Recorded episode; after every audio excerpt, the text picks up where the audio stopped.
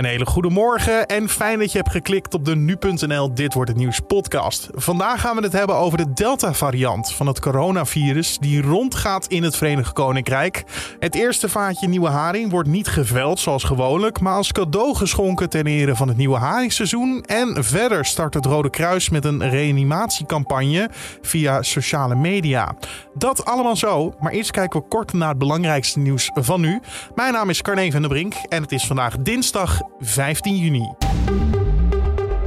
Over enkele weken komt er een landelijke dag waarop prikbussen de wijk ingaan om mensen te vaccineren tegen COVID-19. Het doel van de campagne is om de vaccinatiedoelstelling van 85% te halen. Ook speelt de spreiding van het aantal prikken een belangrijke rol. Daarom gaan de prikbussen vooral naar plekken waar de vaccinatiebereidheid laag is, zoals achterstandswijken en christelijke gemeenten.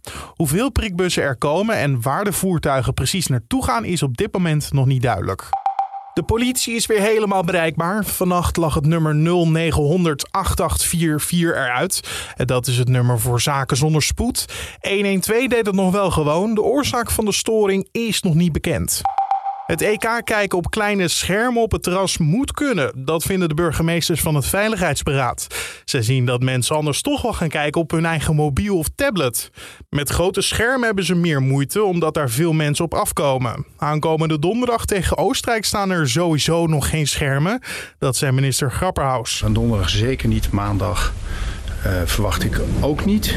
Maar uh, we vergaderen in ieder geval vrijdag met het kabinet om uh, te kijken hoe we verder kunnen gaan met de maatregelen. Vrijdag beslist het kabinet dus over de andere wedstrijden.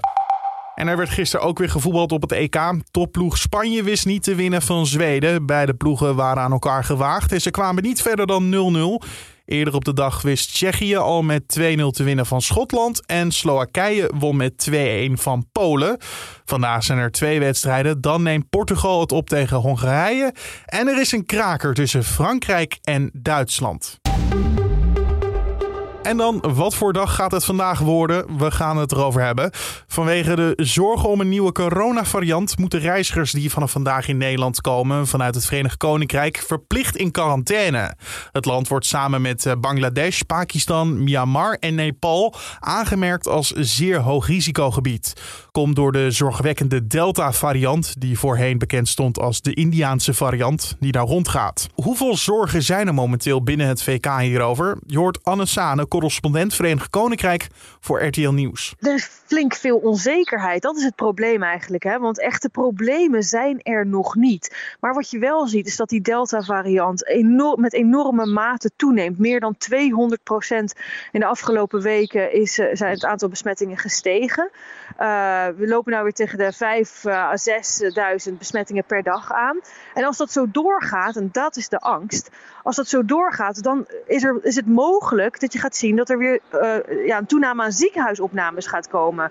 Dat komt omdat heel veel 50-plussers hier in Engeland hun tweede vaccinatie nog niet gehad hebben. En ja, die Delta-variant is bestendig tegen, of tenminste redelijk bestendig tegen de eer één prik. Dus je moet echt twee prikken hebben om je echt goed uh, veilig te voelen tegen die Delta-variant. Uh, en een ander probleem is, is dat heel veel jongeren nog niet gevaccineerd zijn. En wat, waar er angst voor is bij de Britse regering, is dat veel jongeren uh, die Delta-variant op zullen lopen. 60% besmettelijker is die dan de Britse variant, die alweer besmettelijker was dan die Alpha-variant die eerst rondging. En uh, als zoveel jongeren uh, COVID hebben, dan krijg je ook heel veel jongeren met long COVID. Dus dat is ja, die lange uh, termijn symptomen, waar, waardoor jongeren niet kunnen werken, waar je een deel van je arbeidskracht eigenlijk gaat verliezen als land. De angst bestaat dus dat de ziekenhuizen vollopen vanwege nieuwe besmettingen. Hoe staat het er sowieso voor in de ziekenhuizen? Daar zal personeel ook wel toe zijn aan wat rust. Nou, absoluut. Ik bedoel, er is natuurlijk ook een enorme wachtlijst ontstaan vanwege die eerste en die tweede piek die we hier gezien hebben in Engeland. Uh, waardoor de wachtlijsten voor gewone operaties enorm zijn opgelopen. Die zijn echt tot een record aantal opgelopen. Nog nooit zijn er zoveel mensen op een wachtlijst geweest voor operaties als nu.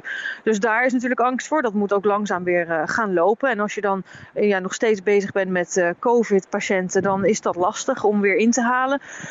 en ja, er is toch ook wel een angst dat als die variant nou echt zoveel sneller verspreidt dan de voorgaande varianten, dat je dan toch gaat zien dat ook al. Want natuurlijk is de, de vaccinaties, dat helpt heel erg, maar het is niet feilloos.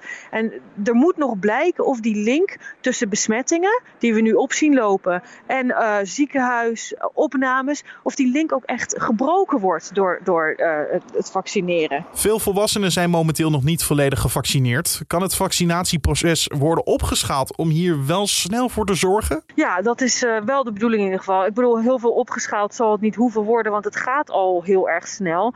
Maar de bedoeling is met het vertragen, het verlengen van die lockdown, is dat uh, ja, de, de Britse gezondheidszorg de tijd krijgt om inderdaad 50-plussers de komende weken nog te vaccineren. En uh, omdat het, uh, de verlenging mogelijk en waarschijnlijk vier weken gaat duren, die extra twee weken zouden er dan ook voor zorgen dat de 50-plussers die die tweede prik dan hebben gehad in die twee weken, dat die dan ook hun immuniteit op kunnen bouwen. Want dat is natuurlijk niet direct als je die prik krijgt, dat je dan immuun bent voor, voor, voor COVID. Dat duurt eventjes voordat dat werkt. Dus uh, vandaar dat ze die, uh, die lockdown met ja, wat, wat meer weken willen verlengen. Zodat het de tijd krijgt om echt werkzaam te zijn. Anne Sane, correspondent Verenigd Koninkrijk voor RTL Nieuws was dat. Mocht je vanuit het VK deze kant op komen, dan moet je dus verplicht in quarantaine. Doe je dat niet, dan kan je een boete van 339 euro krijgen. En dan de Hollandse nieuwe. Vandaag wordt het eerste vaatje aangeboden aan de voorzitter van de GGD, André Rauwvoet. Vanwege corona gaat het allemaal iets anders dan normaal. Je hoort erover Agnes Leeuwers, directeur van het Nederlands Visbureau. We bevinden ons uh, volop in de vaccinatiefase. Dus dat is bijna een vanzelfsprekendheid. Maar even een stapje terug. Het eerste vaatje Hollandse Nieuwe wordt eigenlijk al sinds jaar en dag, al meer dan 35 jaar, op een traditionele manier geveild. En dan hebben we een volle zaal met allemaal ondernemers die bij elkaar een mooi bedrag bijeenbrengen voor een elk, elk jaar wisselend goed doel. Toen kwam corona. Vorig jaar kon dat niet. En toen dachten we, ja, weet je, wat zullen we dan nu doen om dat eerste vaatje ergens aan te bieden? En toen zaten we eigenlijk net in die uh, eerste lockdown. En uh, de wijze, de vingers die wezen eigenlijk al bijna vanzelf naar die hardwerkende IC-medewerkers die de handen vol hadden in alle ziekenhuizen. Toen zijn we bij de toen bekende Nederlanders Ernst Kuipers en Diederik Gobbers geweest en hebben symbolisch het vaatje aan hen aangeboden voor de IC-medewerkers.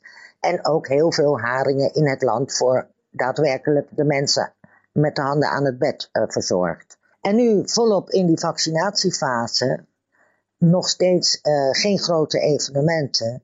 En toen was eigenlijk 1 en 1 is 2. Al die mensen die nu uh, volop bezig zijn om ons Nederlanders eigenlijk weer zodanig te vaccineren dat we ons weer een Hollandse nieuwe voelen. Ja, hoe mooi is dat? En hoe zit het dan met de haring dit seizoen? Heeft Agnes misschien zelf al even de haring geproefd? Ik heb nog geen hapje gehad, maar ik heb wel heel veel uh, haringgroothandelaren gesproken, die natuurlijk wel al hapjes hebben genomen. En dat klinkt allemaal veelbelovend. Want ik kan je vertellen, dankt de Hollandse Nieuwe ook zijn naam aan, hij wordt gevangen vooral in de noordelijke wateren. En de Nederlandse haringinkopers die uh, gaan elk jaar naar Scandinavië, naar Noorwegen en naar Denemarken. Daar hebben ze ook hun verwerkingsfabrieken staan. Daar wordt die haring vanaf het schip gekeurd of die genoeg geschikt is om te verwerken. Dan gaat hij de fabriek in en via dat typische Nederlandse procedé wordt die verwerkt tot een Hollandse nieuwe. En dan moeten ze natuurlijk ook keuren, dan moeten ze ook proeven of die goed genoeg is. Alle geluiden die staan eigenlijk uh, op groen dat het weer een uh, prachtige malse haring is voor uh, de vangst 2021. Vandaag wordt dus het eerste vaatje aangeboden. Vanaf woensdag is de Hollandse nieuwe voor iedereen te koop. En zaterdag zagen veel mensen tijdens de wedstrijd Denemarken-Finland Christian Eriksen op het veld in elkaar zakken. Hij moest ter plekke gereanimeerd worden en het snelle handelen heeft zijn leven daar gered. Vandaag lanceert het Rode Kruis een reanimatietraining via sociale media om jongeren het belang van reanimeren te leren. Mede door de gebeurtenis van zaterdag dus ontzettend actueel. Eline Nijhoft, hoofd EHBO bij het Rode Kruis, weet hier meer over. Maar eerst de jongeren. Waarom willen zij hen bereiken? Ja, wij hebben, zijn eigenlijk twee jaar geleden zijn we al gestart met een burgerinitiatief om uh, eh, EBO in het onderwijs, uh, zeg maar, uh, een onderdeel te maken van het onderwijs voor het voortgezet onderwijs. En we merken dat jongeren zelf ook heel erg graag willen leren om mensen te redden. Dus de, de zeven levensreddende handelingen is iets wat jongeren heel erg graag zouden willen leren. We hebben daar ook onderzoek naar gedaan en 90% van de jongeren zegt dan, ja, wij willen dat heel graag aanleren. En het liefst natuurlijk op school, want daar zijn ze toch al. Ja, en uh, we vinden het ook, weet je, je wilt eigenlijk gewoon uh, dat het een soort van bij de opvoeding hoort. Als je het jong aanleert, dan neem je dat mee voor de rest van je leven. En het zou natuurlijk heel erg mooi zijn dat als we nu de jeugd weten te bereiken, dat je dan aan het einde van de rit, dat je dan eigenlijk heel Nederland, uh, zeg maar, alle levensreddende handelingen hebt kunnen aanleren. En daar is reanimatie natuurlijk eentje van. Dan de actie. Ja, hoe gaat dat er straks uitzien? Het is via Instagram. En op Instagram, weet je, dat is natuurlijk al een medium waar de hele jeugd op zit. En dan geven ze natuurlijk altijd hartjes als je dan iets, uh, iets leuk vindt. En nu is het de bedoeling dat je elke keer zo'n, uh, weet je, een tapje geeft op het ritme van een reanimatie. Dus op die manier krijg je heel spelende wijs mee wat het ritme is van de borstcompressies die je moet geven. En dan op een gegeven moment na 30 keer moet je ook even stoppen, want dan ga je de mond-op-mond beademing doen. En daarna pak je het ritme weer door. En wij verwachten dat dit echt al een hele leuke manier is om de jeugd zeg maar alvast een eerste basis te geven van reanimatie. En daarna, als ze denken van hé, hey, dit vind ik echt heel erg interessant en ik weet het al, dan gaan ze ook vanzelf de praktijk volgen. Eline Nijhoff, de hoofd EHBO bij de Rode Kruis hoorde je. En vanaf vandaag is die actie dus te zien via Instagram. Tot zover de agenda. Dan het weer. Ook natuurlijk een belangrijk agendapunt. Wat gaat het worden? Je hoort het van Alfred Snoek van Weerplaza. Vandaag trekken zeker in de ochtend flink wat wolkenvelden over het land. Slechts af en toe breekt de zon door. Maar in het noorden lukt dat al wat beter. En gaandeweg de dag breiden opklaringen zich over een steeds groter deel van het land uit. Meer en meer laat de zon zich zien. De wind waait vandaag uit een noordoostelijke richting en voert wat minder warme lucht aan. Het wordt krap 20 graden in het Waddengebied. In het zuiden van Limburg kan het echter nog zo'n 26 graden worden. Vanavond is het zonnig, weinig wind staat er. En daardoor belooft het op veel plaatsen in Nederland in ieder geval een vriendelijk zomerse avond te worden. Dankjewel Alfred Snoek van eh, Weerplaza. En om af te sluiten nog even dit. In het amateurvoetbal is in vijf jaar tijd bijna 1 op de 10 clubs verdwenen. In de provincie Limburg was dat zelfs 1 op de 5. Dat meldt de Kamer van Koophandel. Vijf jaar geleden telde ons land nog bijna 3300 voetbalverenigingen met in totaal 1,2 miljoen leden. Het aantal clubs daalde sindsdien en staat nu op bijna 3000. Het totale ledenaantal is wel hetzelfde gebleven. Nou, hoe zit dat? Het komt vooral omdat clubs fuseerden. Nou, volgens de KNVB is die daling dan ook helemaal niet zo erg. Omdat de clubs door het samengaan juist beter en financieel sterker zijn geworden. En voordat we deze podcast afsluiten, moet ik je nog even zeggen dat we natuurlijk elke ochtend en middag te vinden zijn op de voorpagina van nu.nl en in je favoriete podcast-app, Spotify, Apple Podcast en Google Podcast. En je kan je gratis abonneren, zo mis je geen aflevering. Mijn naam is Carne van der Brink. Voor nu een hele mooie dag. Bedankt voor het luisteren en hopelijk luister je de volgende keer ook weer. Tot dan!